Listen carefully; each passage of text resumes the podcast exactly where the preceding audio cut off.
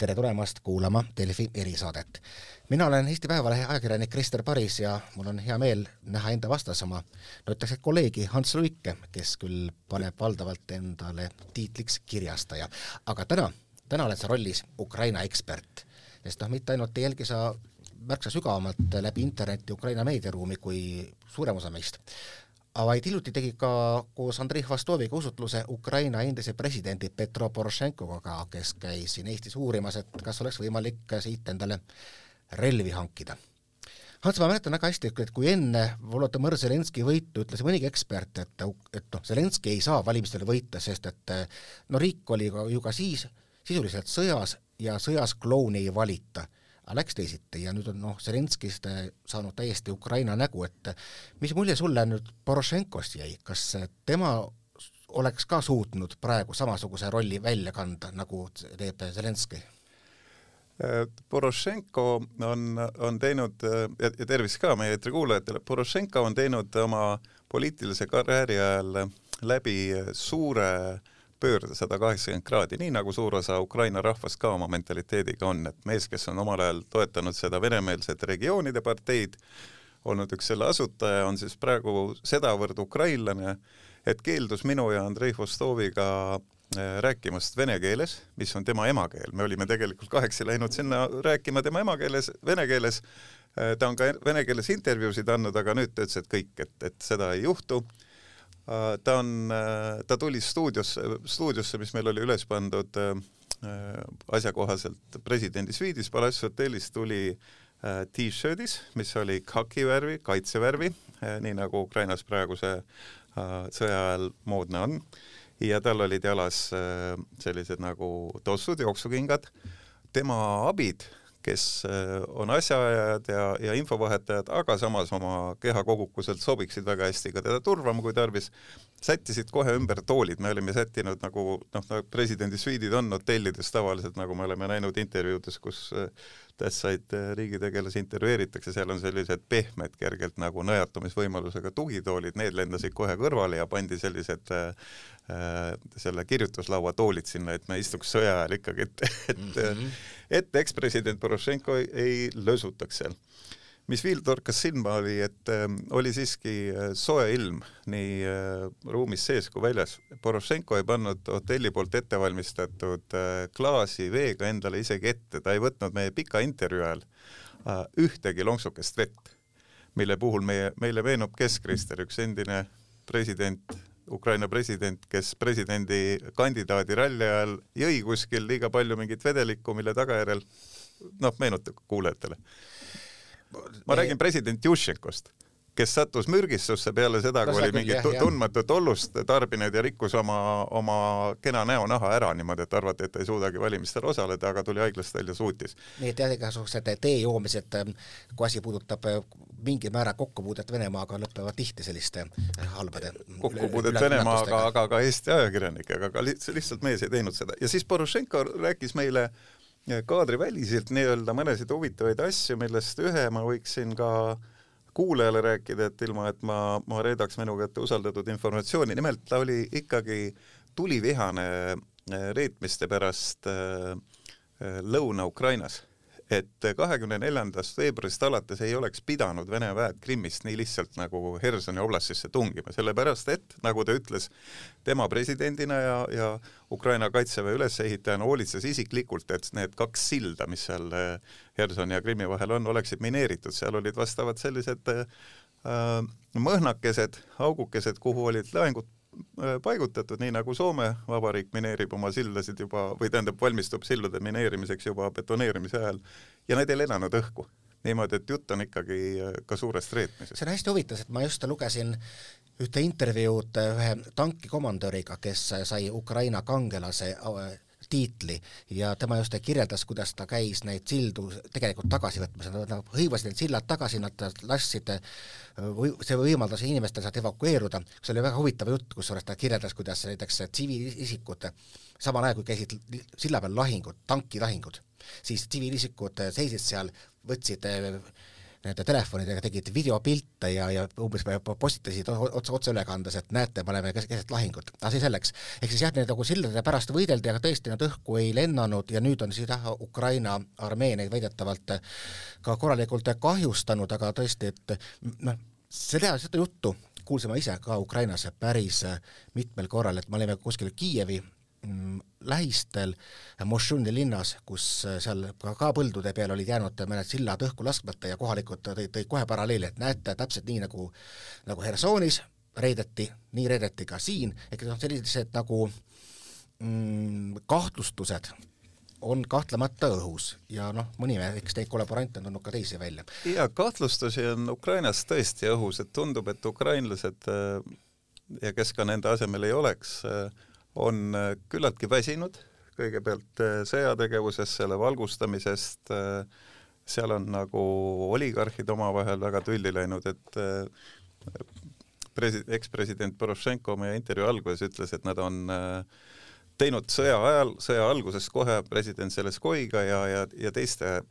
kõrgemate riigitegelastega, Rada fraktsiooni juhtidega ja oligarhidega rahu nii kauaks, kui sõda võidetakse, et siis kakleme omavahel edasi, aga ei möödunud tosinat minutitki, kus sõitis sisse päris rängalt nii, nii Zelenskoile kui ka öö, oma kolleeg oligarh Kolomoiskile, kelle kohta ta ütles, et see ei ole minu kolleeg, see ei ole ärimees, see on kriminaal. ja mida me loeme, eks ole, et umbes neli päeva peale seda, kui, kui me selle intervjuu siin Tallinnas tegime, et ongi lekkinud mingi nimekiri, tõsi küll, meil ei ole selge, kas president Zelenskoi on selle allkirjastanud või mitte, kus äh, jäetakse teiste hulgas muuseas ka Kolomoiski ilma Ukraina kodakondsust. niimoodi, et tal oli võib-olla teavet selle kohta, et Ameerika Ühendriigid on alustanud selle oligarh Kolomoiski suhtes kriminaalasja,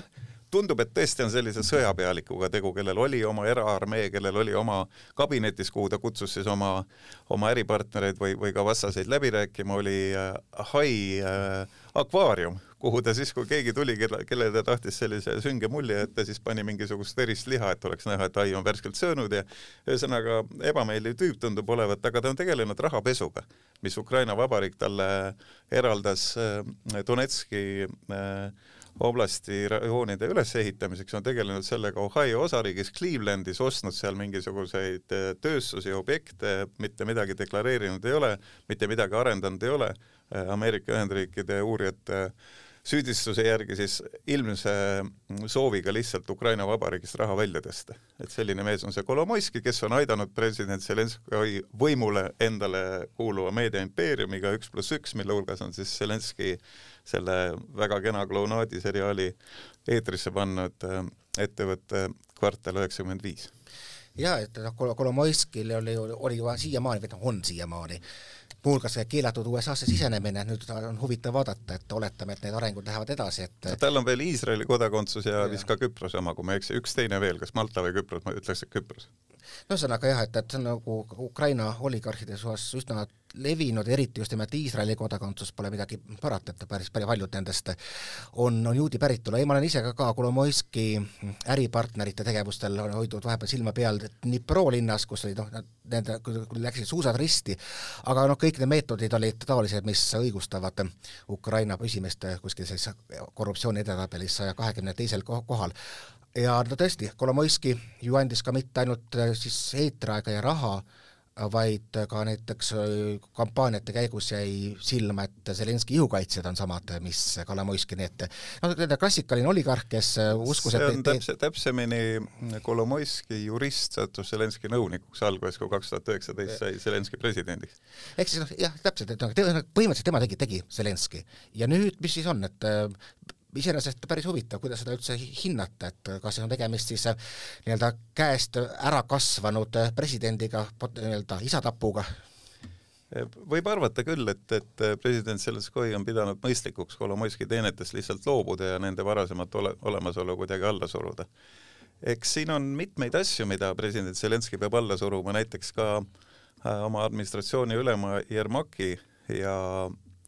Donald Trumpi survel omal ajal presidendiks oleku ajal Joe Biden ja tema poja vastu algatatud mitmeid kriminaaluurimisi Ukrainast, sellest on nagu Joe Bidenil nagu ebasobiv rääkida ja ammugi Zelenskoil, kes on tegelikult siis väga sõltuv Ameerika Ühendriikide maksumaksja doonorlusest. aga mis nendesse oligarhidesse puutub, mitmetesse veel äh, Medvedšukkidesse, Pintšukkidesse, Rinat Ahmetovitesse, Porošenkodesse, Kolomoiskitesse ja teistele, teistesse, neid, neid on terve riga, rida, siis tõepoolest äh, värske valitsus on võtnud siis vastu sellise otsuse äh, või sellise seaduse äh, Kiievi raadas läbi surunud, et äh, oligarhid peavad äh, loovutama, et sa ei saa olla mõjuka raada ehk, ehk siis nagu parlamendi fraktsiooni äh, toetaja, siis omada televisiooni, muud, muud meediat seal vist äh, minu, minu suureks solvumiseks meediaks ei peeta okei okay,, meil on ka Delfi tv siin, aga põhiliselt me oleme ikkagi interneti ja, ja, ja paberajalehinduse tšempionid siin riigis. ja ilmselt oli siis Kersti Kaljulaidil, Eesti Vabariigi endisel presidendil õigus, kui ta Ukrainas riigivisiidil viibides ütles, et kuulge, et Euroopa aitaks teid äh, Ukraina Vabariigi ülesehitustööl küll, see oli veel enne sõda, aga see sõda on ju käinud ju, eks ole, kaheksa aastat seal, aga te peaksite midagi tegema oma korruptsiooniga. seda peeti Kersti Kaljulaidi poolt sündsusetuks, võib-olla ebaviisakas. oi, ma mäletan, ukrainlased olid tohutult solvunud selle peale. ja, ja ka meile öeldi, et, et külas olles ei sobi nii öelda, aga, aga samas miks ei sobi? Ta ju tegelikult noh, keegi peab ikkagi mingisuguse sisendi, mingi tõuke andma, et keegi teine midagi teeks, tavaliselt see kusjuures selle veel niimoodi, ma saan aru, et, et ega ta ju ei läinud seda avaldust sinna tegema, aga üks ajakirjanik küsis ja ta oli võib-olla ka natukene väsinud ja pahur ja ütles välja, mida ta asjast arvab, et aga ega noh, tõsi ta on, et kui vaadata kas või erinevaid projekte, kas või Kiievis, kus on maailma kõige kallimad, kallim tänavavalgustus mõne tänava peal või kui kõige kallimad teekatted umbes, et noh, kui Venemaal öeldakse tihti, et tee on kaetud musta kaavi Weberiga, siis noh, see käis ka siiamaani Ukraina kohta. ja nüüd on, nüüd on sõda, nüüd on natuke teistsugune olukord no sõjaolukorras on, on inimesed deklaratiivselt rahu teinud, aga esiteks närvid ei pea kõikidel enam vastu, ka nendel, kes nagu presidendi administratsiooni nimel äh, väga häid meediaetteasteid teevad, nii, nii nõunikud Arestovitš kui Podoljak siis Zelenskõi äh, kantseleist äh, ka vahepeal läheb juba noh, ütleme, et ma vaatasin üleeile näiteks oli juttu sellest, et ähm, Ukraina väed on saanud, nii rääkis siis äh, Oleksei Arestovitš, on saanud äh, väga suure võidu, et tõmmanud äh, Lõuna-Ukrainas kotti umbes tuhat või isegi rohkem Vene, Vene sõjardit, nende hulgas siis Vene kuulus Spetsnaz ja, ja tankivägi ja, ja need paluvad siis endale anda roheline koridor. Ja siis ukrainlane arvutas eetris, et kui omal ajal Ukraina väed kaks tuhat neliteist kevadel kotti sattusid Ilovaiskis, siis pakuti neile roheline koridor, kus nad justkui saaksid lahkuda, siis justkui Vene Föderatsioon, eks ole, oma tuntud, tuntud sõnapidamatuses avas siiski tule, et meie mingit koridori ei ava. Ja siis siis küsisid talt nagu juba siis nagu, kes need on seal, Štanov ja ja, ja siis äh, Agil Rustamzade ja teised nagu tuntud äh, sõjaväeanalüütikud, kus täpselt on need Vene väed kotti jäänud, et see on suur sõjaline operatsioon, mis on õnnestunud, et tahaks näha, siis Arestovis pidi seletama, et ei, nad nii kotti ka ei jäänud, kuna Ukraina äh, sõjaline juhatus ei täitnud oma ülesandeid ja ühesõnaga filosoofiaharidusega alampolkovnik äh, Arestovitš äh, tegelikult ka ikkagi ütleme selliste valgete käest, käekestega Kiievi ametnik, kes tihti suure kohvikruusi ja, ja välja magamata näoga esineb seal, hakkas siis sõjaväe juhatusele ütlema, et tema plaan ei olnud, miks te ei tõmmanud kotti, ma ju rääkisin eetris. niimoodi nad omavahel närivad. omavahelist närimist on, on näha ka äh, Ameerika äh, vene keelt rääkivate sõjandusekspertide puhul, et vaata, kui, kui räägib näiteks endine luureajakirjanik, nii nagu tihti juhtub Kristel, et ajakirjanik võib olla ka luuraja, endine TASSi, TASSi nõukogude ajakirjanik äh, äh, Juri Švets räägib, siis tema sõimab teist eksperti Illar Joonovit ja siis on seal nagu kõik nad sõimavad Jake Sullivani, kes hiljuti jälle ütles, see on Ameerika Ühendriikide äh, ma meenutan, et maailma kõige suurema sõjalise, rahalise ja diplomaatilise võimu äh, allikas, eks ole, Ameerika Ühendriigid, nemad sõimavad siis äh, Joe Bideni, Ameerika presidendi sõjalist nõunikku Jake Sullivani, kes hiljuti ütles jälle, et me Heimersid andsime, anname veel, aga rakettrelvi me ei anna tulistagu mürssi, mürskudega, mis võtavad seal kuskil kaheksakümne kilomeetri peale, et rakettrelvi, kui anda nende samade torude juurde, siis hakkavad ukrainlased tulistama liiga kaugele, võib-olla Vene Föderatsiooni territooriumile ja siis puhkeb kolmas maailmasõda no ja ka mina mõtlen, et nüüd hakata süüdistama ukrainlasi ukrainlasi, et nemad on kuidagi nagu äh, selline oht, et võivad kolmanda maailmasõja alla päästa, no selle võib päästa ikkagi, ma arvan, pigem, pigem Venemaa või Hiina. ühesõnaga, ollakse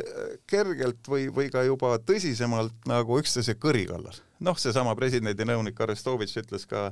Olav Scholzi kohta, et selle, selle äh, Äh,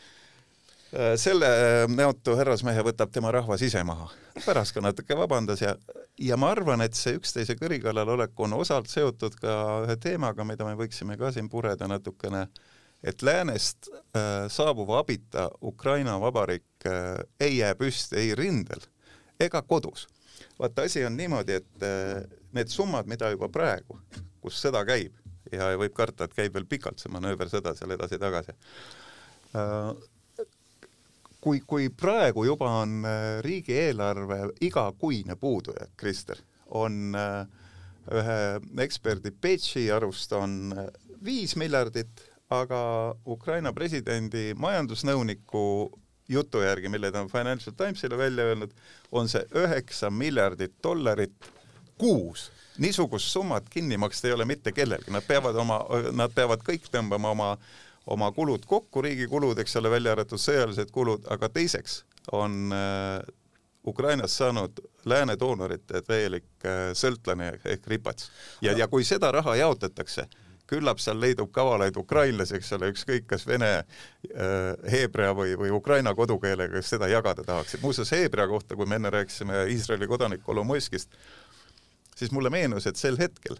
kui aastal kaks tuhat üheksateist president, president Zelenskoi sai võimule,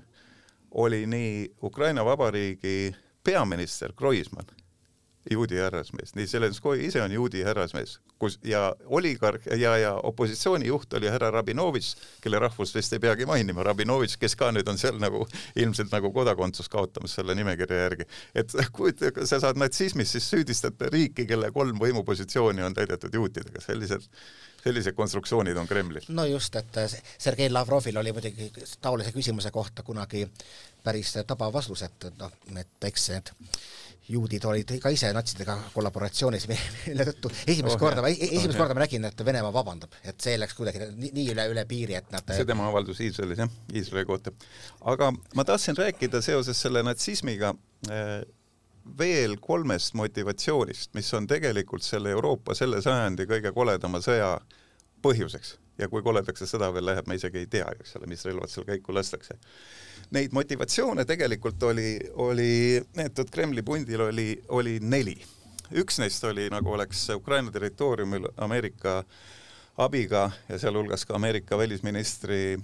asetäitja eh, proua Nulandi abiga ehitatud eh, laboratoorium, kus valmistatakse biorelvasid, mis otseselt on suunatud vene rahvusest inimeste vastu. Niisugune, eks ole, arulage konstruktsioon. teine oli see, et on toimunud kaheksa aastat nii-öelda genotsiidi. selle kohta tõesti on loodud tõendid, on olemas äh, äh, Ida-Donetskis siis ähm, äh, selline isegi monument äh, tulevahetuses äh, elu kaotanud lastele, osalt võib olla tõepoolest üle, üle piiri käival, käiva kahuri tulekäigus saab äh, eraisikuid, see, see hulgas ka lapsi hukka. Aga nüüd on tulnud äh, Riigiduuma äh, välja, välja mõne, mõne nagu täiendava uurimusega nii genotsiidi suhtes kui siis biorelvade suhtes. ja siis ähm, no, natsismist nii-öelda rääkisime, see on jaburdus kuubis, aga neljas asi oli, neljas süüdistus oli, et, ähm, et ukrainlased olevat selle äh, Donetski nõndanimetatud rahvavabariigi see, kes see on see alkohooliku näoga ülemus nüüd seal selline, ühesõnaga Ehm, ei, ei Kirken oli sõjapealik, see on praegu Venemaal, aga no selle administratsiooni ülema, selle nukuvalitsuse ülema korteeži, autokorteeži üritanud õhata ja avaldati pildid, seal olid mingid suhteliselt nagu sellised vanad oasikud ja selle, selle põhjenduse on uuriva ajakirjanduse maailma tipporganisatsioon Bellingcat nagu nii-öelda siis nagu lahti hauganud ja tühjaks tunnistanud. seal oli juttu sellest, et see korteež sõidu ajal nagu sattus nende IED-de ehk osa, et oma tehtud pommide otsa. selgus, et äh, analüüs näitas, et, et äh, põlema plahvatamise eel ja hetkel need autod üldse ei sõitnud, teiseks olid seal laibad, mis olid küpsenud, aga auto armatuur ei olnud küpsenud, järelikult olid võetud kuskilt äh, muud laibad sinna ja kolmandaks nendel laipadel, kui, kui täpsemalt suumiti sisse piltidele, siis olid sellised nagu skalpelliga tehtud lõikeeeled, need olid ilmselt võetud siis äh, surnukuurist ehk vene keeles morgist. aga nüüd on jäänud meile siis peorelvade süüdistus ja selle kohta on nüüd toimunud äh, Vene Riigiduuma spetsiaalses komisjonis, mis on nagu pühendatudki biorelvadele, niisugune komisjon Парламентская, парла, парламентская комиссия по расследованию деятельности американских biolaboratori на Ukraina, konkreetselt parlamendi uurimiskomisjon, mis uurib just nimelt jänkide biolaborite tegevust. ja selle asejuhataja siis äh, Irina Jarovaja on toonud uued faktid välja. nimelt nad on leidnud tunnistajaid Ukraina sõjaväelaste hulgas, kelle, keda on siis äh, venelased suutnud nagu kuidagi vangi võtta ja siis, kes on andnud tunnistusi, kelle verd on analüüsitud ja seal on tulnud õudsed äh, nagu mõjutused välja, näiteks A-hepatiit, segi mingit laadi, ma ei mäleta, mis ergutitega, on teinud Ukraina võitlejatest sellised nagu sellised nagu monstrumid, nagu nad on. nagu jah, pluss, pluss, pluss, pluss veel on nüüd see, on nüüd see ähm, Vene Riigiduuma komisjon välja selgitatud, et ka see ahvi katk on seotud ikkagi USA biolaboratooriumil just nimelt Ukrainas. ja noh, seda jamparit võib kuulata või mitte, aga, aga äh, mina peatusin sellel praegu ainult ühel põhjusel. et kui kui Vene-Ukraina sõda, mis toimub Ukraina territooriumil, Ida- ja Lõuna-Ukrainas, jääb manööversõjaks, nagu võib karta, et see rinne tammub paigal, siis on venelastel tarvis järgmist äh, kuidagi äh, turbot panna, mingi laks panna. Ja nad võivad kasutada biorelva, tuues siis sellesama nüüd värskelt kaheksateistkümnendal juulil toimunud äh, komisjoni materjalid nagu aluseks, et näed, nemad valmistavad, me pidime ennetama, nii nagu see nii nagu see valetajate loogika seal käib Kremlis. no seda kartust, et mingisugust massihävitusrelva kasutatakse, seda on ju olnud sõja alguse saadik, et mida eriti, mida halvemini käib käsi, seda suuremaks võib muutuda tõenäosus, see on ka minu meelest üks osa sellist noh, Venemaa enda levitatavast teadlikust hirmutamisest narratiivist, et, et meil on ju tegelikult, oleme suur riik, meil on võimalusi enda kaitseks veel teisigi, aga ikkagi noh, räägime kõigepealt veel sellest samast Ukrainast, Ukraina eelarvest ja, ja välismaa toetusest. et ilmselgelt Ukraina praegu suudab sõdida ainult äh, tänu sellele, et meie teda aitame. jah, kaitsetahe on tohutu kõrge, ülimalt kõrge, aga me maksame otse eelarvesse, me anname neile sõjalist abi ja puha ja ilmselgelt äh, mängib Kreml sellele, et see ühtsus hakkab murenema. noh, me näeme juba, Viktor Orbanit, kes kutsub üles iga hinna eest pigem rahu saavutama, mis on ka küllap siis Kremli eesmärk saavutada mingi vaherahu enda tingimustel. oleme vaat-, noh, neid mõtteid Vutšis Serbiast midagi ka rääkis, et no täpselt, ja siis on ütleme Iisraeli endine välisminister Ben Shlomo Ami ütleb ka, et, et me peame aru saama, et pikaajalise kurnamissõja pigem võidab Venemaa, mis, mis on minu arust just üsnagi nagu levinud seisukoht, et tegelikult noh, me ei näe praegu väga palju objektiivseid põhjusi, miks peaks Venemaa kuidagi äh, pikas perspektiivis olema, osutuma nõrgemaks kui, kui, kui lääs. Pluss tulevad USA-s vahevalimised, kus võidavad ilmselt kongressi enda kätte vabariiklased, kes on praegu küsitluste järgi vähem innukad Ukrainat toetama kui demokraadid, mis on natukene selline ajalooline anomaalia, et neid, neid nagu neid kive lääne ühtsuses võib hakata päris palju kukkuma, et ähm, kui, mis arvate, Ukrainal peaks olema vähemalt, vähemalt ette näidata mingisugust siis äh, suutlikkust võita, suutlikkust territooriumi tagasi haarata selleks, et äh, veenda, et nad, et see ei ole nii-öelda igavese sõja toit, toitmine, vaid pigem äh, nii-öelda on võimalik ka panna läänt uskuma, et tõesti Ukraina on suuteline sõda võitma? siin on üks suur küsimus tõepoolest see, et kas Ukraina äh, relvajõud on äh, võimelised vasturünnakuks. siin on, on arvajaid ja ma ütlen sulgudes siia, et kõik, mis me Ukraina rindest teame, on tegelikult arvamus, et see on nii, nagu Platon oleks öelnud lõkke äh, vari koopaseinal, mitte lõkke ise. me ei näe kunagi kummaltki poolt tehtud äh, videosid, kuidas siis Severodonetsk näiteks või Lysychansk venelaste poolt ära võetakse, kuidas see käib? kas, kas tankid sõidavad tänavatele või sõidavad sinna mingid äh, väiksemad sõidu, sõidukid? BTR-id, soomukid, mille rühmakomandöriks ka mina olen Tartu Ülikoolis välja õppinud alamleitnandile, või võetakse siis majad, puhastatakse neid ülevalt alla, nagu sead-, nagu sõjareeglid ette näevad. noh, öeldakse jah, et venelased on, on hakanud mängima rohkem nii-öelda reeglite järgi, et alguses, alguse kaadri me nägime, kuidas sõitsid täpselt Harkivisse otse kesklinna kerge soomus, soomusega masinad ja ja ma ei teagi, mis, mis seda plaan oli, aga plaan lõppes kõikide, kõikide Bayraktari rünnak, eks ole.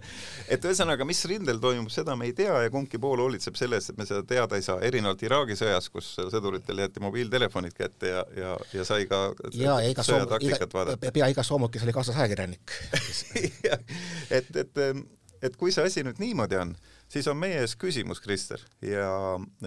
teades, et öö, otsest rindeinfot me ei saa, on küsimus selles, et nagu ma enne ütlesin, üks spetsialist siis äh, pakkus, et ka kahekümnest äh, Haimars kauglaskekahurist ei piisa kuidagi mitte rünnakule minekuks, neid peaks olema pigem kakssada, millesuguseid ei ole tegelikult kogu maailmas anda.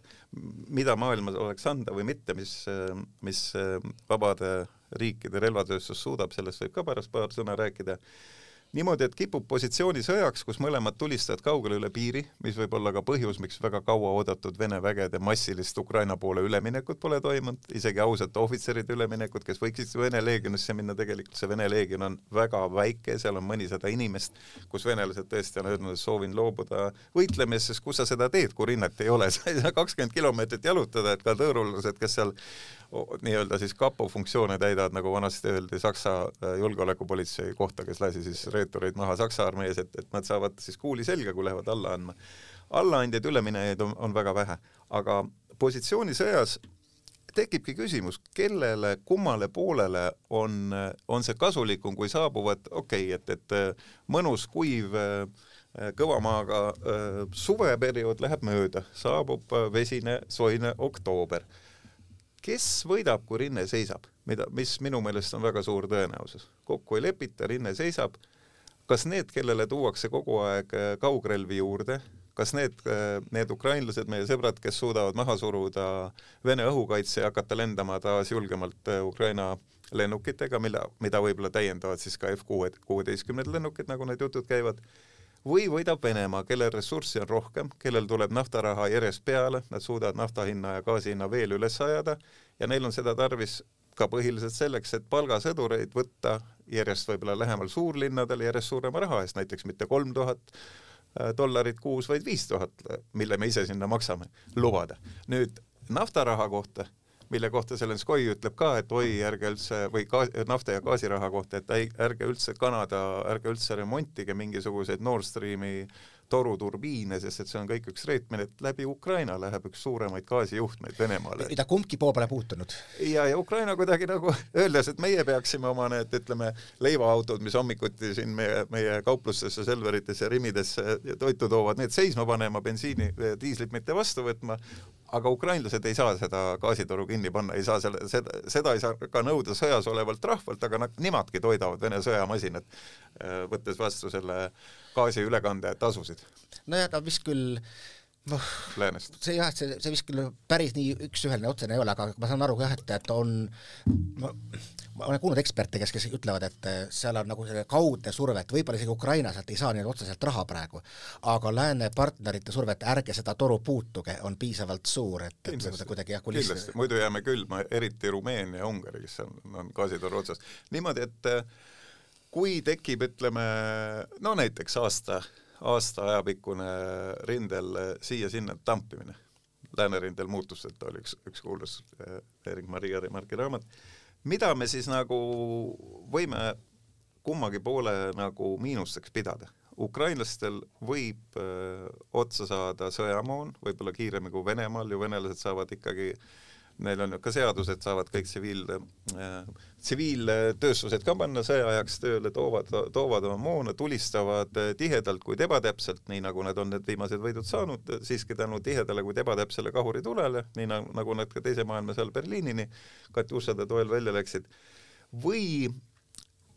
või on siiski need täppisrelvad äh, nii kanged, mis saadetakse, pluss veel lennuvägi, et äh, võetakse maha äh,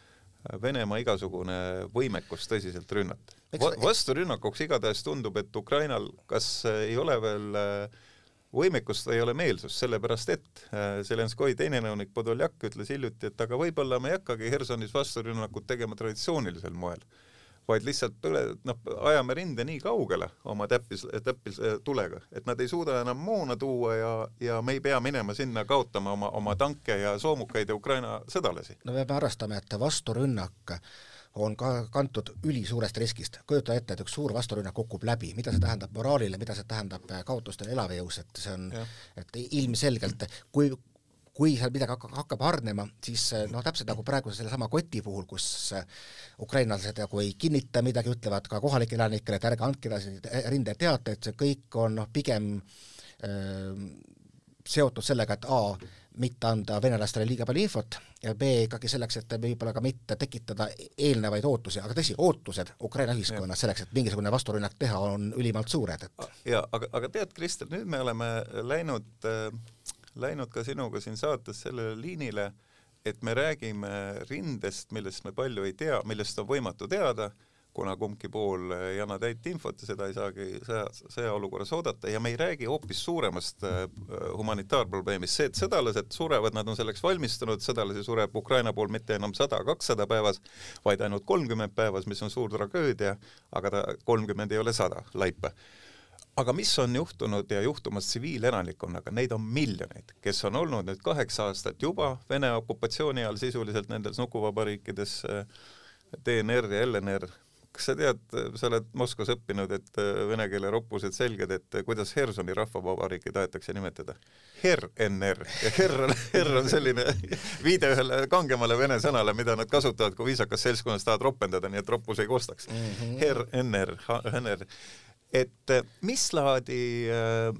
alandusi ja, ja mis laadi korda, mis laadi ideoloogiat, mis laadi rahasüsteemi, mismoodi telekommunikatsiooni ja mismoodi äh, juriidilist olukorda peavad taluma siis need miljonid, kes on sattunud Venemaa poolt okupeeritud äh, kohtadesse. mis oleks ka huvitav lugeda ka nendel, kes äh, Ida-Lätis või Ida-Eestis arvavad, et võib-olla Venemaa on täitsa normaalne maa. ah ei, mitte, mitte ainult Ida-Lätis või Ida-Eestis, vaid ka Varro Vooglaid täitsa võiks ei olla. no tegelikult, tegelikult seal on nagu mitmeid nagu erinevaid piirkondi, noh üks on see, kus on hästi täpselt Mariupol, kus on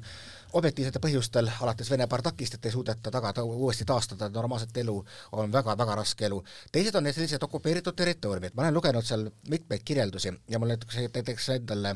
elab majas üks naine kahe lapsega, kelle mees on siis äh, Zaporižžja oblasti okupeeritud piirkonnas ja ütleb, et seal noh, põhimõtteliselt saab venelastega koos töötada, korraks võeti kinni, kuulati üle, lasti lahti, mitte midagi ei juhtunud. ehk siis nad nagu kuna ja, sul ei olnud telefonis mingisuguseid Ukraina patriotismile viitavaid nagu just, äh, linke. ja, ja siis samamoodi samast äh, Hersonist on olnud kirjeldusi, kuidas alguses tuli venelased olid täie jumala viisakad, et äh, isegi poes ütlesid ja aga pärast äh, nagu asendati selliste natuke jõhkramate tüüpidega, kui tulid ka, ka tõrvalased, siis jällegi olukord muutus. ehk siis alguses nad läksid sinna tõesti ilmselt siiras usus, et neid tervitatakse ja me ei, me ei taha olla kurjad, aga see kõik on nagu noh, natukene muutunud. no praegu me pigem loeme sellest, kuidas kümneid tuhandeid evakuatsioonisildi all küüditatakse Venemaale, noh ilmselgelt nagu kogu Venemaa Föderatsioonis. mitte me, kümneid tuhandeid, seal räägitakse, et lapsi on juba üle saja tuhande, mõni ütleb kolmsada tuhat ja, ja neid on kokku kaks koma viis miljonit, kes on võib-olla ajutiselt, võib-olla lastakse tagasi tulla või Peterburi kaudu Eesti, Eestisse tulla ja siit läände minna et küüditatud olukord on veel omaette kibe, sellepärast et me mäletame, eks ole, noh, minu minu tädi ja isa olid täpselt samamoodi lapsena küüditatud oma, oma isast eraldi, keda nad kunagi enam ei näinud ja see küüditatu olukord, kui sa oled nagu ukrainlane ja venelasi on, eks ole, venelased, mõnede peas ongi üks, üks Kremli televiis-, televiisor ja siis nad vaatavad, et nat-, natsid on saabunud. ja üks, üks mu tuttav just jõudis Eestisse ja ta, ta, see, mida ta kirjeldas, oli just, et et nad suutsid välja mõelda mingisuguse kauge sugulase, kes on Eestis ja siis noh, Vene bürokraatia noh, ta nagu ei keela neil ära, ära minna, välja arvatud juhul, kui seal pole nagu mingit põhjust ja siis ta kuidagi ikkagi õnnestus väga, väga pikalt ja vaevarikkalt ja küllap ka makstes õnnestus Eestisse jõuda. et see on nii ja naa, et ütleme nii-öelda massiliselt seal inimesi ju ei tapeta, aga jällegi nagu kogu Venemaa Föderatsioonis selgelt puudub äh, õigusriik kui selline, kui vaja, siis tapetakse ka. vaata nüüd, Kristjan, selle tapmise kohta ma palusin su valmis panna ühe, ühe lugulaulu, ühe omal ajal väga tunnus, tuntud äh, laulu, mille viisi tegi Arne Oit ja sõnad punapoeet Arvi Siig. Ja lase see palun ette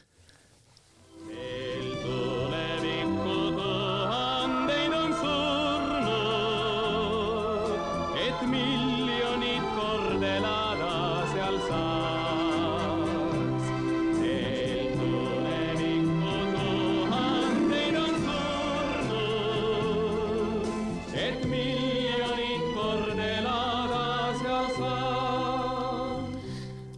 väga sünge sõnum. jaa, see räägib sellest, et äh, nii nagu meie omal ajal siis keskkoolis arutasime selle laulu üle ka, et, et kuskil on siis venelaste arvates või noh, Nõukogude arvates, nagu see tookord oli, mingi tulevik, mille nimel peavad tuhanded surema, et mis laadi tulevikku see on, kuhu ilma tapmiseta ei saa. aga Vene ideoloogia ilmselt, mis on neile praegu pähe taotud ja mis näitab, äh, et venelastel on ainult üks relv, mis toimib kõik teised tunduvad olevat kas liiga vanad või, või üles blufitud võimekusega, see on propagandarelv, mis on toiminud nii võimsalt, et nii nagu, nii nagu Petro Porošenko meile intervjuus ütles, et tuleb ka venelaste, venelaste endi süüks lugeda seda, mitte ainult Kremlini maniakide, Kremli maniakide süüks, vaid venelaste süüks seda, et nad on võimelised äh, tungima teisele rahvale üle piiri kallale äh,, alandades neid nii-öelda mitteinimesteks ja see idee on see, et on mingi tulevik, mille nimel need tuhanded peavadki surema. ja nüüd äh, aga ikkagi, mis toimub siis, kui üks äh, Vene Föderatsiooni piiriala, annaks jumal, et see ei oleks siia, siia lääne poole, eks ole, äh, okupeeritakse venelaste poolt, nad panevad sinna nukuvabariigi, eks ole, et, nagu lugesid hiljuti Äh, siis DNR-i, Donetski nii-öelda rahvavabariiki saadeti üks osa uusi ministreid, üks tuli Sahhalinilt, teine kuskilt Krasnodarist, nad ei tundnud üksteist, ühesõnaga mehitatakse mingite sissetulnud noh, nii-öelda Karl Vainodega, eks ole, kes tulevad, tulevad idast ja hakkavad siis kohalikke mängima. teine nähtus on see, et äh, omand kaotab mõtte. Äh, registrid tehakse ümber, saabuvad notarid Venemaalt, kes teevad Vene seaduste alusel sinu korteri nagu selliseks vaidlusaluseks. näiteks juhtus äh, Luganski rahvavabariigis niimoodi, et sa pidid siis aasta aega, anti aega, sa pidid notarisse tulema tõendama, et see on sinu korter, näitad paberit, siis kinnitatakse, sul see on. nüüd, kui sina oled selline, kelle telefonis on mingisuguseid hurraa-hüüdeid eh, Slava Ukraini, võib-olla isegi Ukraina kangelaste pilte või mingeid väljendeid, et sulle järsku ei meeldigi see nii-öelda, mis, mis see Putin ütleb, meil on suveräänne demokraatia. ühesõnaga, sulle Vene koonduslaagri majandus ja, ja vaated ei meeldi, siis sa ei saa oma korterit tagasi. ja Krimmis tegid,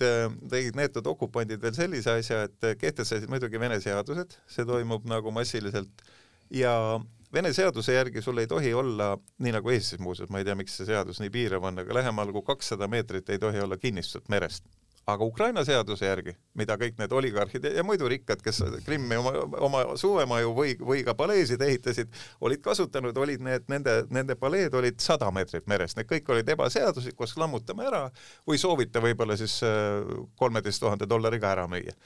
kolmas asi on see, et algab üks jah, nagu sa enne ütlesid, niisugune läbivalgustamine ehk lustreerimine nagu äh,. läbivalgustamine, tekivad piinakambrid, sa oled kuulnud sellest äh, Donetski oblasti kuul-, kuulsast Isolatsia nimelisest kohast, eks ole, noh äh, elekter, sõrmede äraraiumine ja muidugi noh, piinamise käes inimene tavaliselt ta teeb suu lahti, et see, see neetud olukord lõpeks ja siis annab tunnistusi nii enda kui oma, oma lähedaste kohta, siis võetakse uued inimesed sisse raha tuleb kuhu? raha tuleb kahele asjale. okupeeritud tsoonidel, tsoonides venelased kehtestavad mingisuguse uue heroismi, tulevad uute nimedega tänavad ja tulevad äh, ausambad. kas sa mäletad neid rahvusvahelisi kriminaale ja kurjategijaid nimega Kivi ja Motorola? No kes ühel hetkel lendasid õhku, üks mingi šašlõtšnas ja teine, teine oma maja paraadnas, neile on nüüd ausambad seal DNR-is. ja siis tekivad uued pioneeriliikumised, uued patriootlikud liikumised, nad hakkavad ja Vene, Venemaa teeb seda praegu ka oma territooriumil õudustäratavalt edukalt, et hakkavad hakkavad nende uute kangelaste kultuse raames valmistama ette uut põlvkonda. see uus põlvkond, Kristel, kes meie järel tuleb sinna meie idapiiri taha, kellel on juba, näed, meie kangelasega, mis nad tegid, meie tahtsime paremat ja neil tekib jälle see teel tuleviku tuhanded on surnud, eks ole. no aga meie Päevaleht just avaldas hiljuti vene, venelaste artikli, kus me, kus kirjeldati, missugune peab välja nägema denatsifitseerimine, et see peab hõlmama aastakümneid ja terveid põlvkondi. kas sa mõtled seda Riia Novosti kuulsat artiklit? ja vot selle ette Eesti Päevaleht, ma ei tea küll, kes, aga vaatan sulle, see kirjutas pika vabanduse, et sellised need loomad on. aga selline ongi nende ideoloogia, eks ole. ma, ma, ma sain ühes, meil on üks meediakriitika saade Kuku raadios Olukord ajakirjas, ma sain aru, et, et mõned esinejad seal ei tahtnud, et sellist asja üldse avaldatakse, kuidas me siis ei avalda, me ei saa teada meie, meie naaberrahva ideoloogilisi selliseid nagu telgpõhimõtteid. tead, mis asja? vaata, sa tegid enne esinemiskavas meile, sa panid mõned punktid, et me arutaksime seda, kuivõrd on palju neid asju, milles me eksisime, mis me arvasime, et on täitsa kindlad, et kui Venemaa äh, täiel rindel sõjale äh,, sõtta läheb Ukrainaga, siis juhtuvad järgmised, järgmised aastad. asjad, milles me ennast petsime, Krister? no vaatame, kõigepealt on see, et noh no,, me ju näeme, et Vene armee kaotused on tohutud. jällegi, kuidas neid hinnata, on, aga ütleme, kõige madalamad hinnangud viisteist tuhat, ukrainlased ütlevad, ütlevad juba ligi nelikümmend tuhat, noh, eks ta kuskil seal niimoodi siis laipa, mitte ainult la, laipa, laipa. mitte haavatuid, vaid ainult laipu. täpselt. ja kohe tuuakse võrdlused Afganistaniga, et meil on juba praegu kogu Venemaa on kaotanud rohkem sõdureid kui Afganistanis kümne aasta jooksul. Afganistan oli Nõukogude Liidu üks kirstunaelasid no küllap siis Krusk kahesajad tulevad ja toovad Vene emad protestima. no ma ja me näeme, et äh, on Vene võimud äh, ja FSB ja uued seadused, mis äh, keelavad Vene armee nii-öelda diskrediteerimise, on, nad on nende abil loonud olukorra, kus protestima tulek tähendab no põhimõtteliselt vangi minekut. et selgelt see, see niisama lihtne ei ole, aga jällegi ka ega need nagu pinnal ei ole mingisuguseid ja on mitmed vene emad, kes ütlevad ka Ukrainast neile nii-öelda prankkõnesid tehakse, petukõnesid. Äh,, et aga poeg, küsitakse, kus poeg on, teades, et tegelikult poeg on ukrainlaste käes vangis. Noh, et on ta, kus on, aga ta läks tegelikult meid kaitsma, ta läks Venemaad kaitsma, see on kõik õige, et täpselt õige, me ei näe mingisuguseid massilisi proteste, mis võiks, mis võiks kuidagi ohustada Vene, Vene äh, vägivallavalitsust. eks aga täiesti arusaadav, et kui sa teeksid teistsuguse telefonikõne, siis sa ju, ju riskiksid täpselt äh, nende samade paragrahvidega, mis võivad sind nüüd juba viieteistkümnes aastaks äh, vale sõna eest põhimõtteliselt vangi saata, noh neid kaasus... mida, me veel eeldasime kindlasti, ma, ma, mina toon ühe järgneva faktori, mida kõik arvasid väga targalt, et vot nüüd on küll kõik, see oli see, kui ütleme, et me nüüd teeme küll sellise majandus, majandusliku tuumaröögi Venemaale, et tõmbame Venemaa pangad rahvusvahelisest arveldussüsteemist SWIFT ja, välja. SWIFTi ju nimetati varem tuumarelvaks, et miks ja. seda varem ei kasutatud, et no me ei saa ju nii kaugele minna. ja kõigepealt nad jätsid Gazprom panga ja alg-, algul ka Peterburi panga sellest välja ja, ja ka hoiupanga Sberbank mm. -hmm. ja, ja, ja selgub, et on SWIFTist võimalik ümber minna, see, see oli ka, eks ole, meie, meie liigne edulootus. mis seal veel oli, mis me lootsime? No noh, ikka nagu kõikides sõdades on nagu eriti, kui meenutada, esimest maailmasõda, siis et toimub ikkagi vennastumine, et lähevad venelased sinna, vaatavad, et ukrainlased, et kuulge, ja, ja noh, keelduvad sõdimast. noh, seda keelduvad sõdimast, selle kohta on tulnud teateid ja nende moraal ilmselgelt on madal. aga noh, seda, et mindaks nüüd massiliselt Ukraina massiliselt poolele massiliselt üleminekut ei ole no siis oli, oli üks väljend, mille Joe Biden, tõenäoliselt tema abi mõtles välja, et, et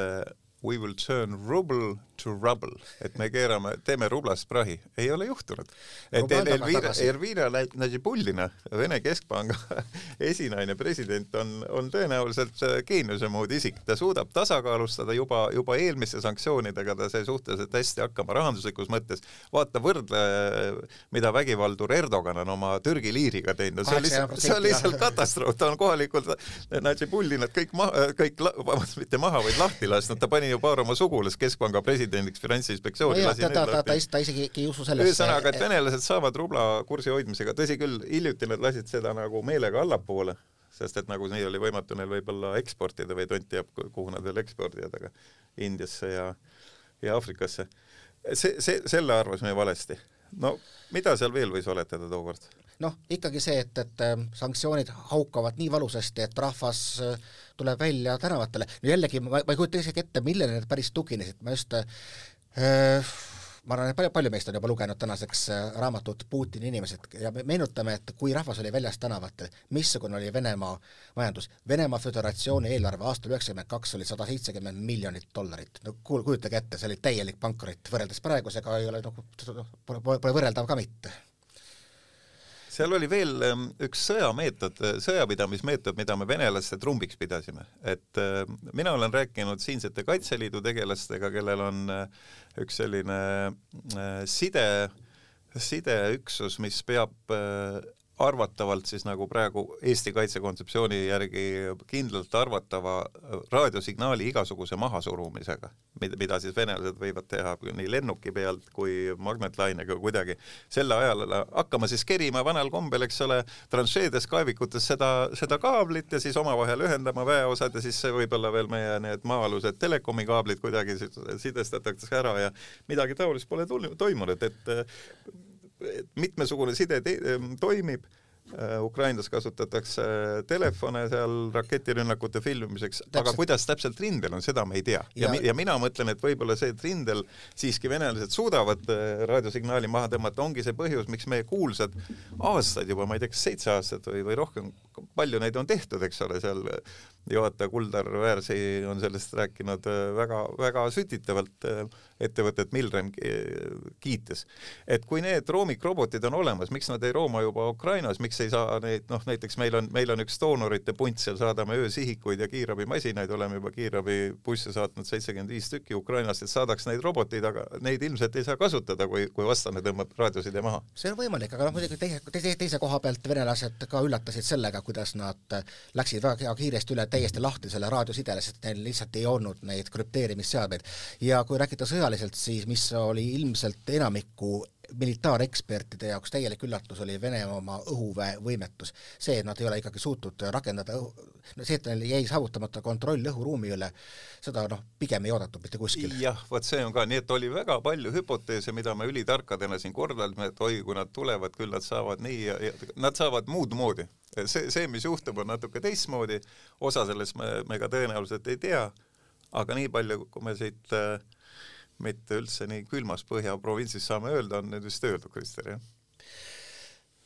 ma ikkagi küsin sinu käest, et pikk korramissõda, mis sa arvad, et mis, kes, kes kuskil peale jääb, ma toon kõigepealt ühe näite, et ähm, noh, töötatakse ju praegu välja erinevaid arvutiprogramme, noh, kogu aeg töötatud välja, mis siis nagu peavad hindama, et kes on lahingus edukam. ma just lugesin ühest programmist, kuhu pandi sisse need algallikad, mis olid esimese rünnaku puhul Kiievi all et äh, skaalal ühest seitsmeni, üks on kõige parem, seitse kõige halvem, kumb võidab? Äh, ukrainlased sai kaks, venelased viis. Ehk siis äh, selgelt venelased olid nende allikate põhjal alla jäämas, praeguses olukorras Ida-Ukrainas oli viis-viis, ehk siis täielik patiseis, mida sa ette ennustasid, et sõjaväljal. Tõenäoliselt meie on, teadmiste see, järgi on olemas, tulemas patt. see on sõjaväli, aga, aga siin räägitakse ikkagi sellisest katastroofist nagu Ukraina majanduslik kokkukukkumine kui ikkagi presidendi, Ukraina presidendi majandusnõunik ütleb, et riigieelarve defitsiit on neil iga kuu üheksa miljardit dollarit või eurot, dollar ongi euroga samavõrdne praegu, Nad ise ütlevad, et see on viis miljardit, seda ütleb siis äh, minu poolt väga austatud kommentaator Petši, keda ma iga nädal jälgin. ütleks, et ka Kaerasis. see, need on, need on sellised summad, kui me nüüd vaatame, et äh, sul oli vist andmeid, kui me siin ette valmistasime saateks, et äh, ei tule need viimased otsused Euroopa Liidust ja Eurokomisjonist, ma mõtlen, ja USA-st nagu Ukraina budžeti toetamiseks mitte midagi nii libedalt, et äh, seal oli Ursula von der Leyenil oli ees mingi plaan anda üheksa miljardit mis võiks siis ühe kuuga ära kaduda, ma, ma, ma ütlen teistel andmetel, aga antud on sellest ainult üks koma viis, üks koma seitse, et miljarditega on endalgi kitsas käes, kui on tarvis, eks ole, küttetoetusi hakata jagama. just, ja Venemaa mängib sellele, et küll meie vastu peame. Et mis sa arvad, mul on, mul, mul on karvane tunne, et ei taha kuidagi kõlada defitistlikult äh, allaandvalt, aga, aga et nende mäng